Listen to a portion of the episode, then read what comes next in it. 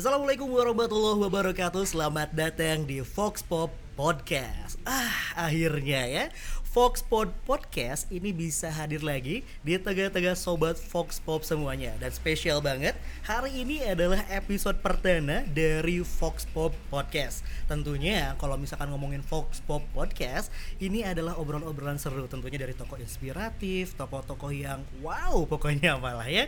Dan hari ini kita lagi ada di Sejoli Coffee and Restory uh, Cimahi ya. Jadi ini tempatnya cocok, ciamik, enak, makanannya juga enak. Pokoknya enak banget lah buat nge-chill out bareng teman-teman. Nah, ada bahasa nih kalau misalkan orang Sunda, orang Indonesia ataupun orang-orang Melayu tak kenal maka tak sayang. Biar makin sayang, mari kita kenalan dulu. Siapa sih ini yang ngobrol depan kalian semuanya? Jadi perkenalkan nama saya Reynald Syah atau lebih sering disebut Kakang Ray dan hari ini terhormat banget nih karena Kakang Ray bisa nge-hostin Fox Pop Podcast untuk semua uh, sobat Fox Pop semuanya. Dan boleh banget buat sobat Fox Pop pingin nonton podcast ini langsung aja klik channel DPRD Jawa Baratnya atau boleh juga nih di Spotify-nya Fox Pop. Nah, hari ini spesial banget nih karena sobat Fox Pop kali ini Ray kedatangan tamu istimewa. Hmm, juara banget pokoknya mah, inspiratif dan yang paling penting ini masih muda. Dan yang paling penting ya, beliau ini adalah anggota Dewan Perwakilan Rakyat Daerah Jawa Barat Komisi 2 dari fraksi Gerindra Persatuan. Komisi 2 loh, edan kalau misalkan kita ngomongin Komisi 2. Masalah perekonomian, pariwisata dan yang lain-lain ya, pertanian dan yang lain-lain. Wah, pokoknya ini juara banget lah ya. Dan yang paling penting uh, kalau misalkan ngomongin wajah nggak beda jauh lah barengan Ray ya. Kalau beliau ini nilainya 100 kalau Ray nilainya minus 100 kita langsung sambut aja Kang Tobias Giraja. Halo Kakang Ray aduh sehat. disebut Kakang Ray sama Akang Tobias gitu ya. Gimana sehat Kang? Alhamdulillah. Gimana? Alhamdulillah. sebaliknya sehat. Jag-jag meringkas di tengah pandemi ya Kang ya? Iya dong. Bener harus, harus. jaga kesehatan betul terus. bisa. 3M ya? 3M menjaga jarak pakai masker jaga cuci jarak tangan. dan cuci tangan tapi kalau saya mah tiga enam m kang apa tuh makan makan makan oh.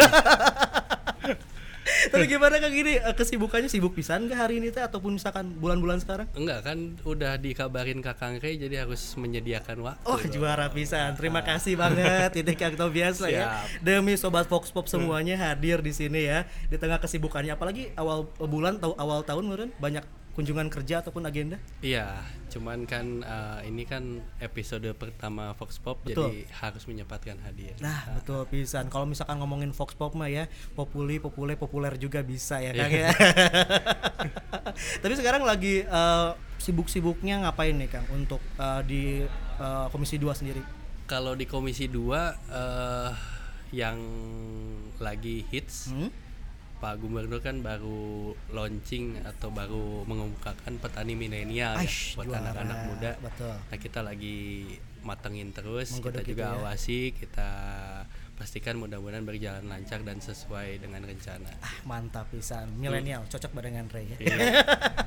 Tapi sebelum kita ngobrol jauh, Kang, ini ada fakta, wis fun fact dari Fox Pop sendiri di mana pertama ya, fun fact pertama ternyata Kang Tobias ini selain anggota dewan, dulu juga pernah menjadi salah satu orang penting lah ya di sepak bolaan Indonesia khususnya di Bandung ya. Ya, ya kan.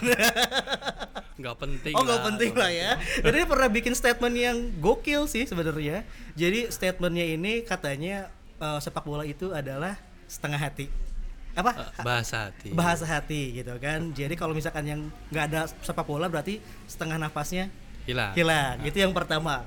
Yang kedua ini yang paling menarik. Tadi disebutin barengan Ray kalau misalkan uh, Kang Tobias ini ketampanannya nilainya 100 ya kan? Ya kan? Ya kan ketampanannya 100 lah ya. Kalau Ray kan minus 100 ini kan 100 dari 1000 enggak sih ya. Nah 100 maksimal ya. Kalau misalkan kalau kata anak zaman sekarang mah tamaks bang. Tampan maksimal. Dan pernah dikategorikan sebagai anggota tertampan DPRD Provinsi Jawa Barat. Waduh. Itu yang buat itu harus dipertanyakan. Harus dipertanyakan. Kita ke pertama dulu ya kang ya itu tercipta statement setengah uh. apa ya hati itu seperti apa? Jadi eh, itu tuh waktu itu saya ingat ada Hmm. wartawan nanya terkait apa komentarnya terkait liga kan diberhentiin nih Betul. liga sekarang. Mm. Nah sebenarnya sepak bola bahasa hati itu bukan dari saya itu Oke. dari almarhum Mang Ai dulu Mang Panglima Ai, Viking. betul. Cuman Hmm. saya apa saya eh, terjemahkan bahwa Hmm. memang benar bahwa di Bandung itu di terutama di Jawa Barat Hmm. nonton Persib itu bukan lagi hiburan semata. Oke. Jadi udah kayak kebutuhan primer. Wih, juara. Udah jadi orang tuh kadang-kadang eh, moodnya di hari itu tuh di- bisa ditentukan oleh Persib. Kadang-kadang kalau Persib kalah kemarinnya tuh be- bisa jadi besoknya uring-uringan, males kerja. gitu. Langsung moodnya turun. Moodnya turun. Kalau Persibnya menang tuh besoknya semangat kerja apa jadi itu tuh udah jadi bahasa hati bukan Oke. lagi bukan lagi apa sekedar hiburan, Hiburan semata. semata. dan jadi kalau memang hiburannya dihilangkan Hmm. Liganya tidak ada Persibnya nggak boleh main ya setengah napasnya hilang setengah nyawanya hilang Oh jadi ke situ karena gara-gara liga Ah, itu ah. kan ya. Tapi kalau misalkan ngomongin sepak bola ya, ah, kalau misalkan ngomongin sepak bola ya, eh, mulai kapan sih Kang suka sama sepak bola? eh kalau bicara sejarah faktanya agak aneh sih Oke, jadi aneh kenapa ini? jadi keluarga saya tuh nggak ada yang suka bola Hmm. apalagi suka persib Oke. bola sepak bola, sepak bola, internasional aja nggak suka apalagi, persib yang Indonesia lah Ah, ya. ah, tapi nggak tahu kenapa pas ibu saya hamil Hmm. ngidamnya tiba-tiba nonton persib Nonton Persib. Ah, ah, dengerin di radio terus Aduh. maksain datang ke stadion Siliwangi dulu sampai ada fotonya difoto sama Aja Sudrajat dan lain sebagainya nah ketika lahir tiba-tiba udah nggak boro-boro tahara rayang deh nonton Persib jadi ya saya bisa bisa mengklaim bahwa kayaknya saya memang dilahirkan untuk, menjadi pendukung Oke, Persib ya. Jadi statement kayak gitu nggak hanya sekedar keluar atau mengutip dari Kang almarhum Kang Gai ya, Ah. tapi memang hatinya juga udah terisi dengan Persib. Iya, Betul. gitu. Itu dari zaman SMP. Jadi apa? Eh, eh, pertama kali ke stadion SMP, SMP, tapi, tapi dari SD udah nonton di TV. Juara gitu. Pernah nggak kan waktu SMP punya pengalaman-pengalaman seru? Eh, saya tuh kan terlahir di keluarga yang apa ya, yang agak memanja, memanjakan inilah, maksudnya agak protektif gitu. Jadi nggak ad- ketika memutuskan pengen nonton ke stadion tuh eh, nggak dibolehin, pada ketakutan Oke. semua. Terus akhirnya maksa-maksa tuh akhirnya diizinin tapi eh, dengan berbagai syarat nanti hati-hati harus begini begini Ada pasti. protokolnya kayak Ah, ah, sekarang gitu ya? dibawain ini sampai dikasih uang jajan tuh yang sangat berlebih lah dianggapnya biar kalau ada apa-apa kamu bisa naik taksi kamu bisa apa bisa apa Oke, jadi Ah, ah. protektifnya Ah, lebih ah. ya? padahal ketika saya nonton tuh saya tuh merasa nyaman terus gak gak dipergunain sama sekali uang itu malah jalan kaki naik naik mobil bak gitu karena reongan Ah, orang sudah ah, ya seru gitu lah ya. gitu, ah, ah. Dan itu berlanjut sampai sekarang. sampai sekarang Sampai sekarang Ah. dan itu jadi pernah jadi sekung Viking ya. sekarang saya Viking Wah, juara banget. Akhir asalnya cuman nonton, dari Nonton, SMP, iya. bikin Frontline Boys juga waktu itu ya. 2005 2005. 2005 saya main kaleci kayaknya juga anak 2005 Bener 2005. Wah. Tapi memang misalkan nggak jauh juga tapi ya karena memang kesukaannya beda mungkin ya kayaknya. Gitu. Jadi Kalau Akang sukanya ini terus sih kayaknya ya ke ke mall disco kayaknya Oh, disco oh, deh. nggak bisa saya saya mainnya kaleci Oh, main lang layangan gitu kan tapi ini pernah katanya ada kejadian waktu itu kena palak waktu SMP ya kang Oh iya, kok tahu sih? Ah, oh iya dong ya tim humas DPRD juara itu ceritanya gimana kang Saya tuh eh, nggak tahu kenapa nggak Mm-hmm. Kayaknya memang tampang tampangnya tuh pala kebel ini bahasa baru Jadi- ya buat sobat Fox Pop, palak kebal Jadi ya dari SD, SMP, SMA tuh sampai SMA pun masih eh, pernah kena palak gitu. Jadi Oke. kayak kayak hobi gitu. jadi hobi baru ya korban palak ya Jadi sering banget saya tuh kena sampai terakhir SMA tuh Mm-hmm. saya oh, sepatu, oh, tas semua oke sampai pulang tuh nyeker. Pulangnya kayak Ah, ah. terus minjem sendal jepit ke teman Minjam sendal jepit ke teman. minjem duit juga buat Oh, ongkos. pulang. Waktu itu masih di Sari Jadi mungkin ya. Enggak, dulu SMA 9. SMA 9. Di palaknya di Pajajaran, di, dibawa ke kuburan itu Oh, Sirnaraga. oh Sirnaraga. Ah, ah. itu daerah sepi ya kayaknya. Ah, ah. Untung gak ke Pandu juga ya kan. oh itu jadi waktu SMA pernah ya? SMA pernah. Oh, juara. Terakhir SMA. SMA juga. Hmm. Ke sini ke sini udah nggak ini lagi. Enggak ini juga ya, tapi itu pengalaman mungkin ya, pembelajaran mungkin itu. Pembelajaran. Jadi pengalaman pahit pengalaman pahit itu jadiin pelajaran kayak Kang Tobias ini ya, Ah, ah. betul banget. Kita masih ngobrolin musik sepak bola ya. Siap. Sekarang sepak bola ya karena Covid lah ya. Heeh. Jadi jadi gimana sih kan?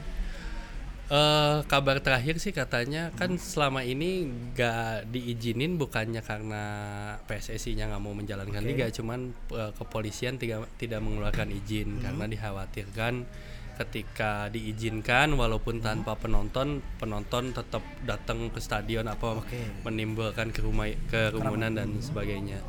Nah, tapi info terakhir katanya sudah sepakat katanya akan diselenggarakan dalam waktu dekat dan tanpa penonton. Oke, ya tetap ya bisa memanjakan yang di rumah ya. Iya. Jadi buat supporter, buat botoh juga masih bisa nonton. Kalau saya kan nungguinnya cuma El Clasico-nya doang kan.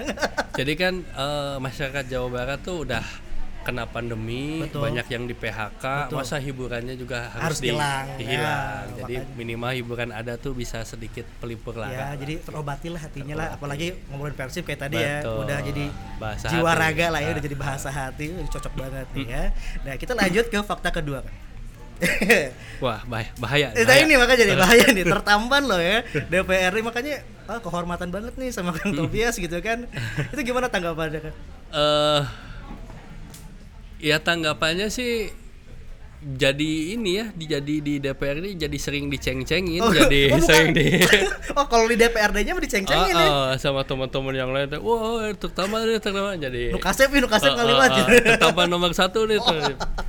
malah jadi digitu-gituin jadi malah malu sendiri Oh gitu. Tapi pas kalau misalkan lagi kunjungan kerja Ah, atau ke daerah dapil lah ya, beda mungkin. Apalagi ibu-ibu, oh Kang Tobias, oh gitu gimana? Pernah nggak kayak gitu kan ngalamin? Iya pernah sih Oh pernah ya. pernah. Sampai ekstrimnya gimana itu?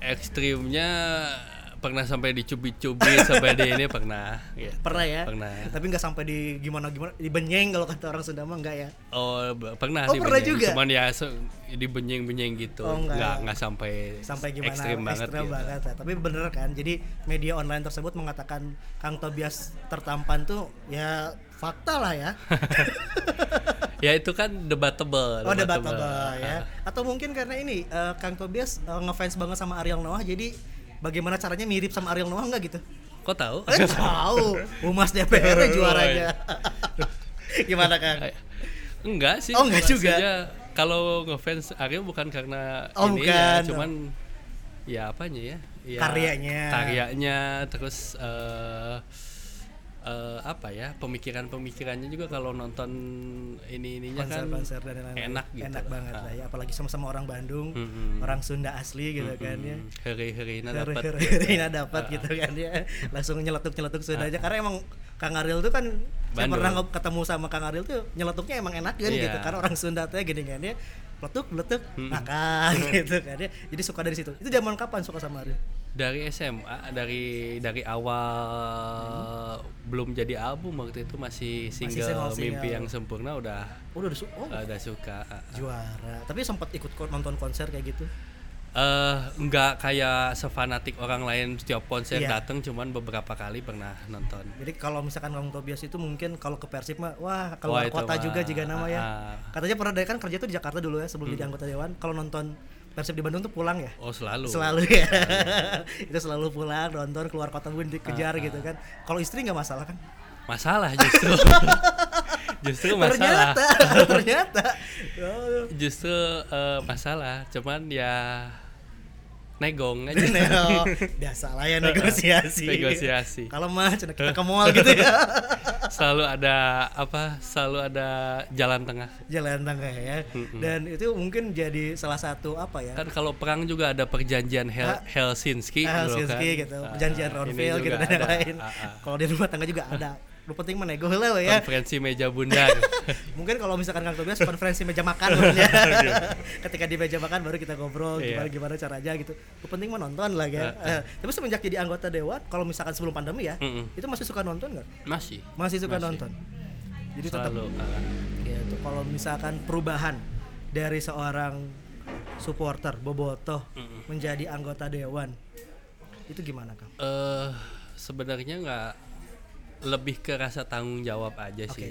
Kalau dulu kan sebelum jadi di DPRD kan kayak nggak ada beban lah ya. Kita mau di supporter juga mau gogor-gogokan mau Ah, ngapain juga ya. bebas gitu. Alung-alung baju gitu. ya.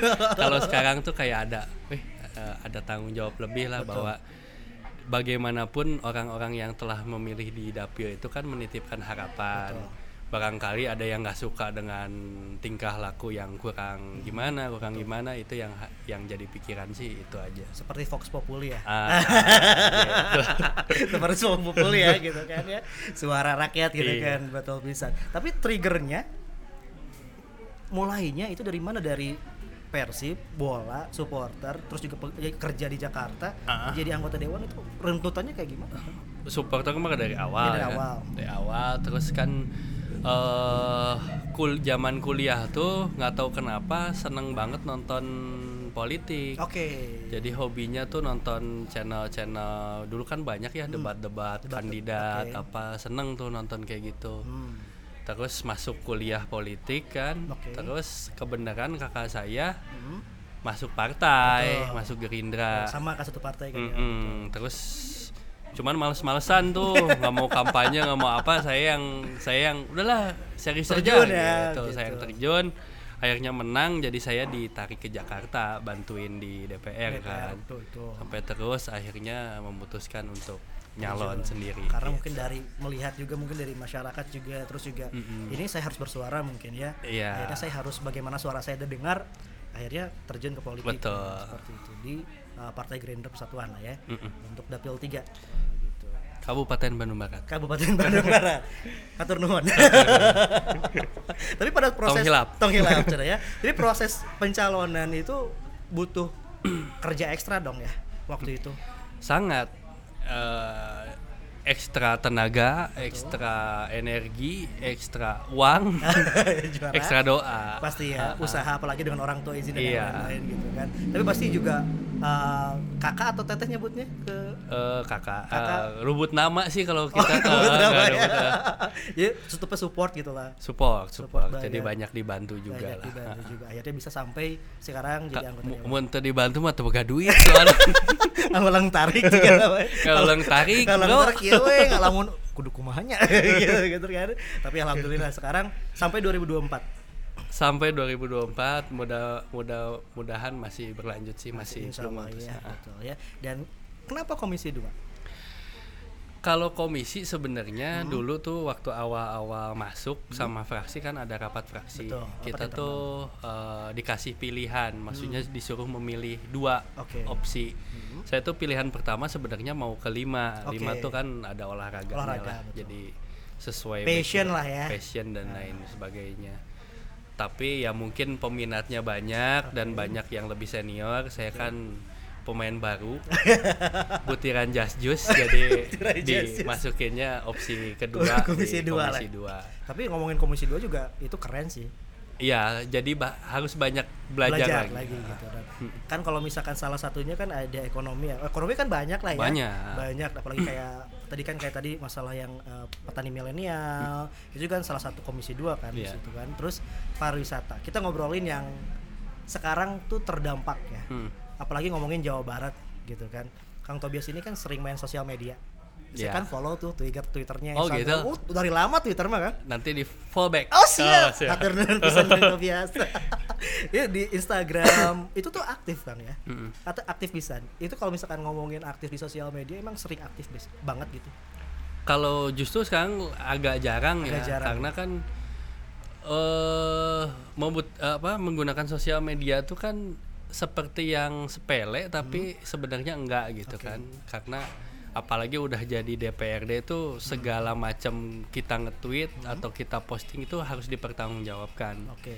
jadi ya sekarang tuh jadi lebih nggak kalau dulu mah ada yang di kepala langsung tweet langsung ini kalau sekarang lebih lebih eh, menahan terus waktunya juga kadang-kadang Rada- rada- rada Ah, pusing ah, lah ya. kan dulu mah loba rebahan teh Nah, kaum gitu. milenial ya gini kaum kan. sekarang kan Rebahan. udah ada kegiatan Betul. jadi agak sedikit berkurang gitu. Nah, kalau misalkan tadi kan di apa ya disinggung masalah rebahan, terus juga media sosial itu kan kaum milenial pisannya Kang ya. Mm-mm. Itu berdampak nggak sih sebenarnya sama perkembangan-perkembangan Jawa Barat khususnya ekonomi. ya? Itu bisa nggak sih berdampak? Oh iya, sangat berdampak. Karena kan sekarang eranya memang sudah bertransformasi ke digital ya. Betul. Jadi yang tadinya orang berjualan di konvensional sekarang kan banyak di Twitter tuh eh, udah banyak jualan, di IG banyak jualan dan menjadi salah satu media untuk untuk eh, menggerakkan ekonomi, eh, menggerakkan sosial. Kadang-kadang ketika ada bencana apa kan donasi bla bla bla bla Bisa bla semua bisa tergerak dan Betul. sebagainya. Jadi power eh, sangat powerful lah sosial media Sosial di era media saat itu. ini tuh. Apalagi untuk ekonomi kreatif lah ya. Betul. Apalagi kan kalau misalkan kita ngomongin Jawa Barat kan eh, Jawa Barat juga ada penyumbang terbesar ya Kang ya. Iya, sepertiga ekspor nasional itu dari Jawa Barat. Jawa, Eh, Jawa Barat hebat. Jawa Barat.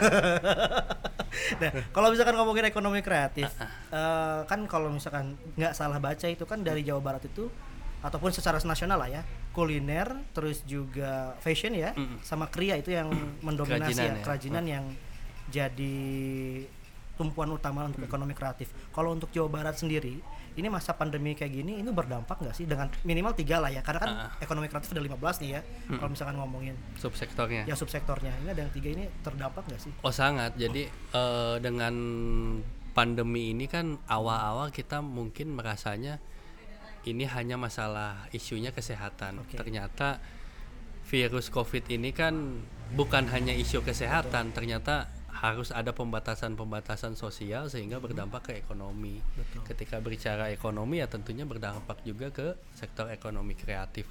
Nah tadi yang disebutkan kuliner, eh, Fashion. fashion Kria. ker- eh, kerajinan itu sekarang permintaan-permintaan ekspor juga kan menurun karena kan mereka di samping mungkin permintaannya berkurang mereka juga kadang-kadang eh, apa membatasi ya. Betul. karena takut ada perpindahan virus apa segala macam jadi mereka juga sangat membatasi.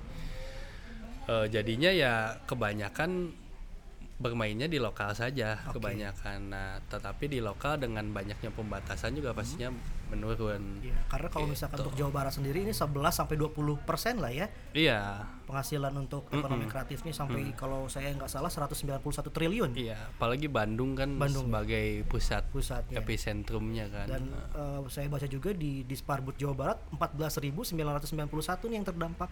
Iya, gitu kan itu baru bukan tiga sektor tadi ya sampai subsektor yang kayak televisi Musik. musik gitu kan ya ke kealaman oke ku abdi gitu kan ya yang masukkan MC MC juga kan pasti. Ah, kan. juara pisan. juara pisan itu Kang ya. Oh, siap Jakarta PSBB gak jadi. Kayak gitu kan. Nah, itu juga lumayan juga kan ya. Tapi Iya. kalau untuk eh, dari Jawa Baratnya sendiri gitu, dari penurunannya sangat drastis nggak sih dari yang tadinya ser- 191 Eh, kalau data terakhir sih kita belum terima ya, karena itu kan eh, biasanya dari BPS, BPS. dah. Cuman walaupun tanpa melihat data sepertinya ya sudah terasa lah karena banyak juga yang mengadukan ke kita Komisi 2 banyak eh, pekerja-pekerja sektor ekonomi kreatif yang terdampak. betul. Kan tadi pekerja seni kan misalnya pagelaran musik kan bukan hanya musisinya aja di sana ada kru-krunya, di sana ada MC-nya, ada apa, ada desain visualnya, ada apa segala itu kan otomatis mereka nganggur. Ya bener ya. Uh, uh, terus fashion juga ya walaupun bisa online cuman ya banyak juga yang me- merasa uh, ketika tidak ada event-event Betul. Uh, juga turun kan. Iya, gitu. kan kayak misalkan gini, untuk pemasaran-pemasaran kan kayak fashion show, Mm-mm. kayak gitu kan juga memang susah Mm-mm. ya sekarang ya. Dan itu untuk berdampaknya sangat lumayan ya. Meskipun belum ada data yang valid untuk Iya. sekarang. Uh-uh. Cuman kemarin di Sparbud cuman hanya menjelaskan beberapa banyak untuk itu. Tapi untuk dari Pemprov ataupun juga dari DPRD Komisi 2 khususnya, apakah memang sudah dirancangkan atau untuk ke depannya seperti apa? Iya kalau kita sih untuk penanganan jangka pendek ya ketika pandemi dimul apa awal-awal kita waktu itu eh, sarankan kepada pemprov agar para para pekerja ekonomi kreatif yang terdampak ini harus menerima bantuan sosial. Oke. Jadi jangan sampai mereka terlewat karena kalau berbicara data pasti mereka terlewat karena kan data bansos itu pasti awalnya diutamakan kepada disebutnya ada di data terpadu kesejahteraan sosial Oke. Itu tuh mereka-mereka yang dianggap miskin lah. Oke. Nah, tapi dengan pandemi ini itu tuh muncul yang disebut miskin-miskin baru. Nah, Oke. pekerja industri kreatif tuh banyaknya miskin-miskin baru yang Oke. tadinya mereka punya penghasilan dan penghasilannya dianggap cukup, tidak Oke. kategori miskin, tapi ketika tidak ada event, tidak Betul. ada ini mereka tuh ya jatuh miskin.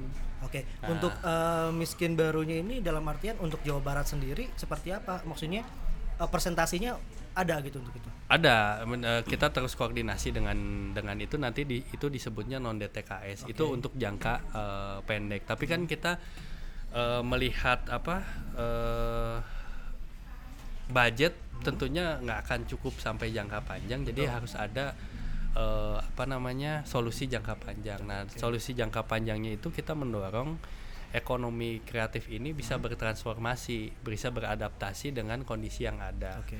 Misalnya yang tadinya fashion baju apa kita dorong untuk eh, berinovasi beralih jadi produksi masker Oke. atau produksi APD lalu eh, kuliner-kuliner yang mengandalkan tadinya konvensional di tempat ya harus eh, coba didorong lebih di ini kan di digitalnya lalu musik-musik banyak musik virtual dan lain sebagainya lah gitu. Tapi kalau untuk misalkan masalah regulasi lah ya, kan kalau misalkan berbicara, tapi kan kalau misalkan kita fashion pasti kan ada hak cipta, terus juga ada eh, kekayaan intelektual yang memang itu harus diperhatikan gitu kan, apalagi Jawa Barat penyumbang besar, itu akan berpengaruh nggak sih kan? Atau misalkan adakah regulasi tertentu gitu? Ya justru itu kita juga eh, berharap ya karena regulasi kan banyaknya juga dari pemerintah pusat. Betul.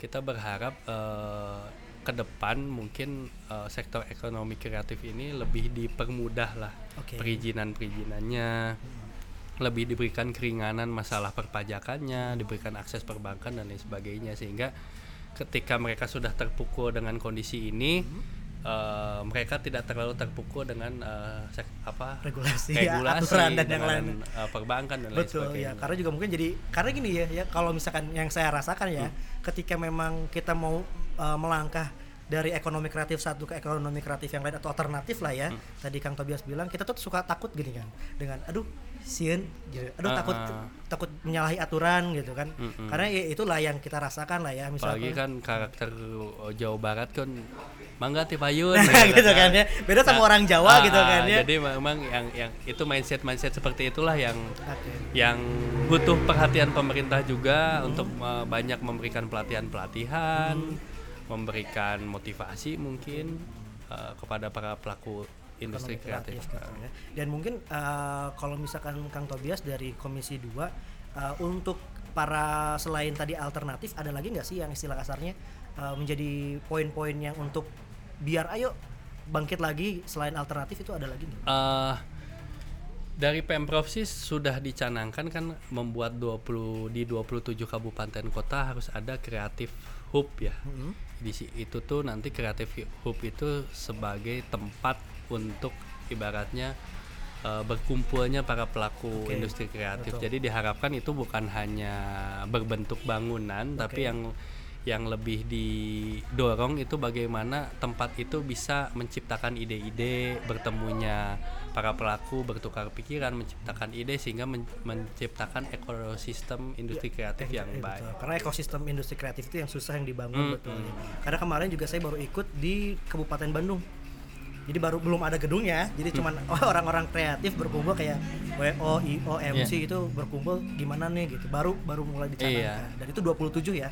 Jadi kita tinggal tunggu aja mungkin 27 ini. Jadi mungkin jadi salah satu wadah mungkin ya Kang ya Iya, dari harus. jadi ini ya dan mungkin nanti dari DPRD-nya dari Pemprovnya itu bisa menciapkan regulasi dan aturan-aturan yang seperti itu. Kalau Perda eh, Jawa Barat itu provinsi pertama yang Wah. punya Perda tentang ekonomi kreatif. dibandingkan uh, Provinsi-provinsi lainnya. atau nasional juga Eh, kalau Perda kan provinsi-provinsi. Provinsi, betul. Eh, Jawa Barat itu pertama. pertama itu Ah. tahun Eh, 2019 kalau nggak salah sebelum periode saya jadi di akhir masa jabatan Oke, periode sebelumnya berarti udah Ah. mulai kayaknya Jawa Barat memang sudah jadi Sudah visioner. epicentrumnya ed- industri kreatif mungkin ya. Iya.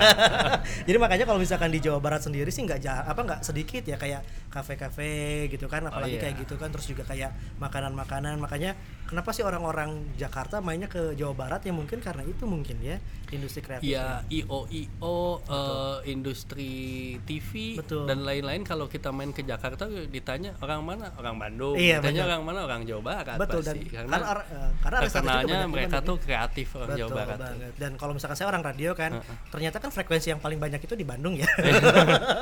itu 40 frekuensi habis ya. Makanya kreatif-kreatif Iya. gitu kan ya dan semoga lah ya Kang ya Iya. dengan adanya regulasi-regulasi terus juga dengan ada eh, apa namanya mm, persiapan-persiapan dan alternatif-alternatif lagi kayak Creative Hub dan yang lain-lain itu bisa ngebangun dan atau bisa membantu dari si uh, Ekosistem. ekonomi kreatif, ekosistem di ekonomi kreatif ini lagi gitu. Tadi kan kita ngomongin ekonomi kreatif. Salah satu penumpang ekonomi kreatif juga kan apalagi dengan kaum kita nih, kaum milenial yang sukanya rebahan. kaum rebahan kaum rebahan serius kan. Karena kan kalau misalkan kita ngapain lagi gitu kan apal- apalagi masa pandemi gini kan ya pasti nggak goler tadi kan makanya saya mah 6 m ya kan makan makan makan tambahannya tadi disebutkan sama Kang Tobias itu ada petani milenial Iya. kita bahas tentang petani, eh, petani milenial petani milenial tuh yang kayak gimana sih Kang jadi itu gagasannya dari pemprov ya Betul. Eh, saya ngobrol informasi jadi idenya itu karena ketika pandemi ini berlangsung Hmm. ternyata sektor yang tumbuh positif itu pangan Oke. salah satunya jadi ketika kita mau mengembangkan dan menggerakkan ekonomi ya pangan yang harus kita genjot nah jadi bagaimana menciptakan lapangan pekerjaan seluas-luasnya dengan lokomotifnya pangan pangan Nah, tapi kan di era saat ini Hmm. banyak anak-anak muda yang tidak tertarik menjadi petani kan. oke Ah, orang mau mending gojek gue nggak gojek Nah, gitu Atau, kan. ah, saya mah mending ngapain, mending Iya. ngapain. Tidak bisa disalahkan karena eh, menjadi petani itu berat betul situasinya dan penghasilannya juga rata-rata paling per bulan hanya satu juta sampai satu setengah juta. dibandingkan dengan mungkin ya dengan profesi yang Ah, lain lah ah, jadi me- banyak orang tidak tertarik menjadi petani. Kemudian pemprov ini merancang bagaimana anak-anak muda ini mau jadi petani dengan jaminan mereka akan mendapatkan penghasilan eh, di eh, apa minimal UMR Oke. UMR tertinggi di Jawa Barat akan dibuka pendaftaran 5.000 petani milenial nanti aksesnya akses perbankannya akan disambungkan oleh pemprov jadi mereka akan dimodali lah oke Nah, nanti hasilnya akan dibeli. Harapan idealnya seperti itu. Nah, nanti ketika dibeli itu harganya bagus sehingga sesuai UMR tadi. Oh gitu. Jadi Nah. bukan konteksnya bukan eh, Digaji, bukan, bukan. digaji, tapi dari hasil panen itu Ah, akan ah. dibeli dengan eh, harga sesuai dengan UMR itu. gitu. Betul. Oke. Nah, itu kan konsep idealnya. Betul. Nah, kita terus kawal supaya konsep ideal ini bisa terlaksana karena itu kan bukan sesuatu yang mudah Betul, ya. lima ribu loh. Ah, ah, lim- pertama lahannya, Betul. pertama kedua SDM-nya mungkin. Mm. karena kan menarik orang menjadi petani yang tadinya tidak punya background Betul. apa-apa kan nggak nggak mudah juga Betul. Dan yang apalagi- tadinya rebahan disuruh Nah itu nyangkul makanya gitu itu kan Ah, makanya ah. apalagi ya istilahnya kasarnya dari saya dari orang Cimahi gitu kan Ah. biasa dengan mall, Iya. biasa dengan beli apa-apa mudah, terus sekarang harus jadi petani, ketemunya sawah lagi sawah lagi itu kan jadi tantangan juga. betul jadi ini tidak mudah tapi kalau ini sampai berhasil ini tuh akan menjadi eh, mahakarya lah Betul. dari Jawa Barat gitu tapi kalau gagal ya akan gagal tapi kalau berhasil ini benar-benar akan menjadi mahakarya yang pasti akan dicontoh oleh provinsi lain Atau- jadi konsep Pak Gubernur itu eh, tinggal di desa Oke. rezeki kota Oh siap. bisnis mendunia Oke. bonus kembang desa gitu jadi nanti kalau jadi petani milenial nanti eh, bonusnya kembang desa Tapi saya Kalau- boleh milih kembang desanya aja nggak Kang? itu kan tantangan orang milenial kan. Ah. Mungkin kalau ketika jadi, kita sosialisasi jadi gitu. katanya eh, info-infonya setelah petani milenial ini di, Canangkan, di- ya. dicanangkan di desa-desa tuh udah mulai "Ma- eh, mana kembang-kembang desa tuh mana ininya petani milenialnya kapan pada Oh, datang katanya kita udah kan pada gitu. ini Kebayangnya udah gitu pada kan. menunggu-nunggu Menunggu-nunggu kan. Ya kalau saya mah ah nyarinya yang kembang desanya aja. Itu kan jadi salah satu tantangan mungkin ya. Betul. Ketika nanti sosialisasi gitu kan, kan kepikirannya panas gitu kan, nyangkul Iya. gitu kan. Nah, tapi eh, diupayakan tidak pertanian yang konvensional biasa. Jadi Oke. akan diterapkan eh, teknologi-teknologi eh, pertanian. Jadi lah. lebih mempermudah juga. Mempermudah, Dan sesuai dengan zamannya mereka para milenial gitu. Untuk kriteria milenialnya sendiri ini usia berapa sampai berapa gitu? Saya eh, lupa ya pastinya, tapi ada batasan Hmm. Ada batasan. Nah, Jadi memang ada syarat dan ketentuan yang berlaku lah Betul. ya. Jadi nggak sembarangan. Kalau yang kolonial nggak bisa. ada juara itu kolonial. Tapi kan rata-rata ya kalau misalkan kata orang Sunda mah daekan itu kan zaman-zaman orang-orang kolonial kan ya. iya, justru orang justru itu tantangannya Itu kepada tantangannya. kepada para milenial yang sering rebahan, Nah, mangga sering silakan. mengeluh di sosial Nah. media. Ya, ini saatnya, ini kesempatannya. Mudah-mudahan eh, bisa sukses. Jadi di- kontribusi juga untuk bangsa mungkin Betul. atau untuk, untuk provinsi juga gitu kan. Jadi saling ekonomi kreatifnya naik, pertanian pangannya juga naik, akhirnya juga Jawa Barat bisa jadi apa ya provinsi yang eh, Juara. juara. Lah benar provinsi juara dan juga provinsi yang mandiri mungkin lah ya. Jadi bisa langsung lebih bisa menghidupi provinsi apa na- nasional juga Iya. mungkin pendapatan. Apalagi kan kemarin di provinsi pusat juga apa pusat juga mencanangkan untuk ketahanan pangan teh mungkin lah ya. Iya, itu jadi yang sama uh, Kementerian Pertahanan kan sekarang diambil alihnya juga ini menjadi salah satu poin penting juga kan masalah pertahanan. Masih di Foxpot Podcast dan sekarang Kang Tobias tadi kita udah ngobrol-ngobrol nih ya. Kita sebelum closing kita bakal ada games dulu nih ngobrol-ngobrol dan terusnya ini ada rapid question. Oke, jadi gampang banget permainannya. Saya nyebutin uh, dua pilihan. Kang Tobias silahkan untuk pilih dengan cepat. Oke. Iya kan? Itu gitu aja. Tiga A atau ini gitu kan. Ah ini, ini, ini gitu kan. Nanti saya akan bertanya kenapa dan mengapa Ah, gitu siap. kan. Siap? Oke. Oke. Pertama, Siliwangi GBLA Jalak Harupat. Siliwangi, Vespa Moge. Vespa, Nasi liwet nasi kuning. nasi liwet, Nasi liwet home out atau away. Away, Zainal Arif Ferdinand Sinaga. Siga, Ki- Sinaga, Kiper atau striker. striker. Pecel lele sate padang. Aduh, dua-duana beki euy. Ayo pilih Kang. Eh, tergantung situasi. Dulu situasi. Dua-duanya lah ya. Dua-duanya. Dua-duanya lah ya. Gubernur wali kota. Gubernur, DPRD DPR RI. DPR RI dong. DPR RI dong. Komisi 2, Komisi 5. Eh, dua lah sekarang tadi dua. Kayak enak nanti diprotes. Nanti diprotes sama pimpinan. Oke, kita bakal bahas satu yang pertama tadi Siliwangi GBA Jarak Harupat. Siliwangi. Kenapa Siliwangi? Karena sejarahnya dapat banget Juara ya. di tengah kota. Eh, wah dan pisan Siliwangi. Hype-nya ya. Ah, ah. Hype-nya benar-benar itu kan tengah kota terus juga kalau nggak salah kan banyak yang jalan, Iya, barangan-barangan ah, bobotoh dan ah, ah. lain-lain. Baru kan Siliwangi. Ya. Tapi kalau misalnya sekarang ngomongin GBLA gimana? Kalau secara stadion memang mewah-mewah GBA. GBLA. Cuman kalau secara sejarah, secara kenyamanan eh, apa ya? Bukan kenyamanan menonton, cuman lebih hati ke mungkin. hati Ya. passion tuh Tadi kan sepak bola Ah, hati ah, lah ya. ah, ah. setengah setengah jiwa raga adalah Betul. itu ya Siliwangi. Tadi Vespa Moge, Vespa. Vespa ini Vespa, Vespa antik atau Vespa yang sekarang kan? eh senangnya antik tapi tengarti masih mesin. itu kan ya. Jadi mun mogok tengarti. Nah, kudu kumaha ieu. Iya ke mana itu kopling nu mana gitu. Tapi lebih Vespa ya. Vespa. Kenapa Vespa?